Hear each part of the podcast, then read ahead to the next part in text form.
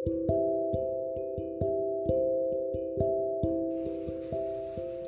semuanya. Assalamualaikum warahmatullahi wabarakatuh. Perkenalkan nama saya Maifa Rili Wulandari Dari kelas 10 IPS 3 Nomor absen 21 Saya akan menceritakan tentang Kerajaan Majapahit.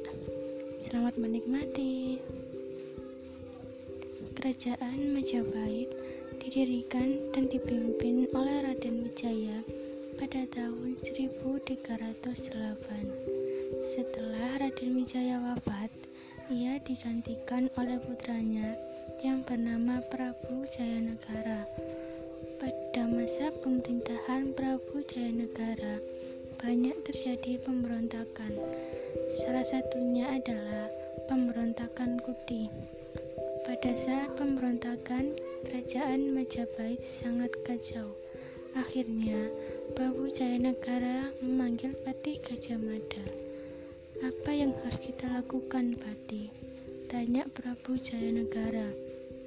Patih Gajah Mada akhirnya memberikan alternatif paling aman kepada Prabu Jayanegara untuk mengungsi ke desa Bendandar. Desa Bendander merupakan satu desa di bawah kekuasaan Majapahit. Letaknya sangat jauh dari pusat kota Majapahit. Di daerah itu pula Pati Gajah Mada mengatur siasat perang untuk mengatasi pemberontakan Kuti.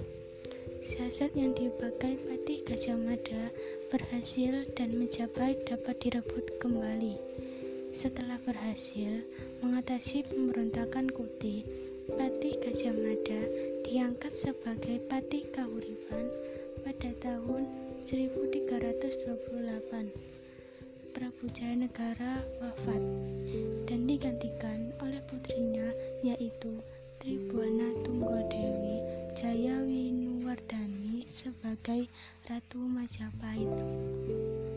Masa pemerintahan Tribuana Tunggadewi ini pun tidak luput dari pemberontakan. Pemberontakan terbesar adalah pemberontakan Sadeng. Pasukan Majapahit di bawah pimpinan Patih Majapahit yang sangat kuat.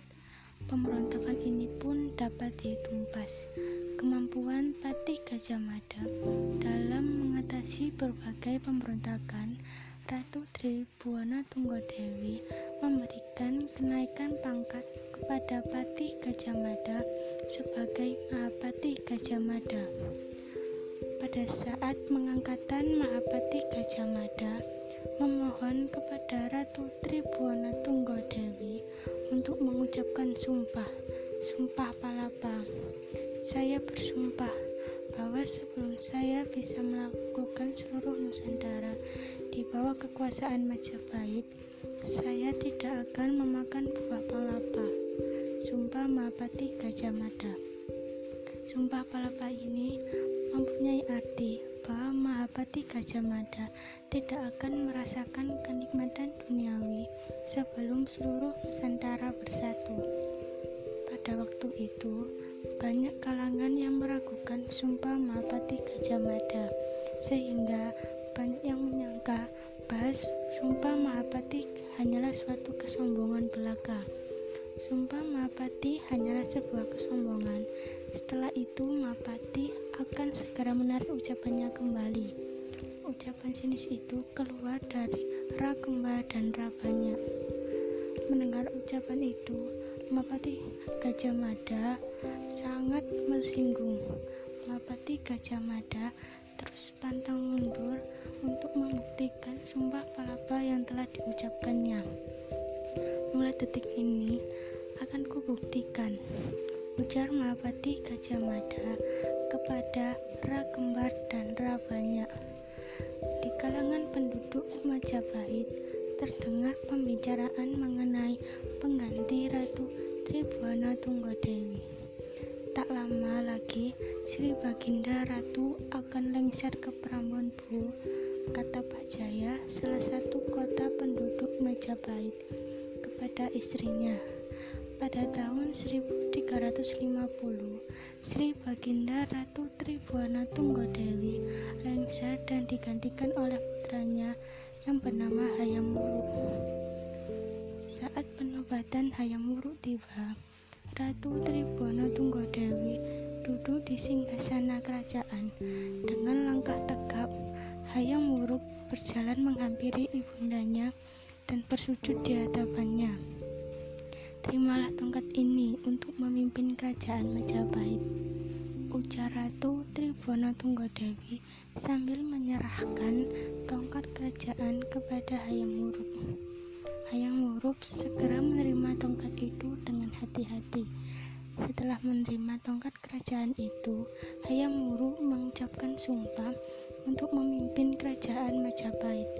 Sejak saat itu, resmilah Hayam Wuruk untuk menjadi Raja Majapahit. Pada saat kepemimpinan Raja Hayam Wuruk dan Mahapati Gajah Mada, kehidupan masyarakatnya yang makmur. Kerajaan Majapahit juga mampu mempersatukan seluruh Nusantara. Aku bangga kita dapat mempersatukan Nusantara ujar Raja Hayam Wuruk dengan hati berbunga-bunga. Namun, Mahapati Gajah Mada merasa bahwa yang telah dicapai merupakan hasil kerja keras seluruh penduduk kerajaan Majapahit. Wilayah kerajaan Majapahit sangat luas, meliputi seluruh Nusantara ditambah dengan semenanjung Malaya, Tumasi atau Singapura serta bagian selatan Filipina apabila dibanding dengan wilayah Republik Indonesia. Sekarang wilayah kerajaan Majapahit jauh lebih luas. Itu tadi cerita tentang kerajaan Majapahit. Sekian dari saya. Semoga terhibur. Assalamualaikum warahmatullahi wabarakatuh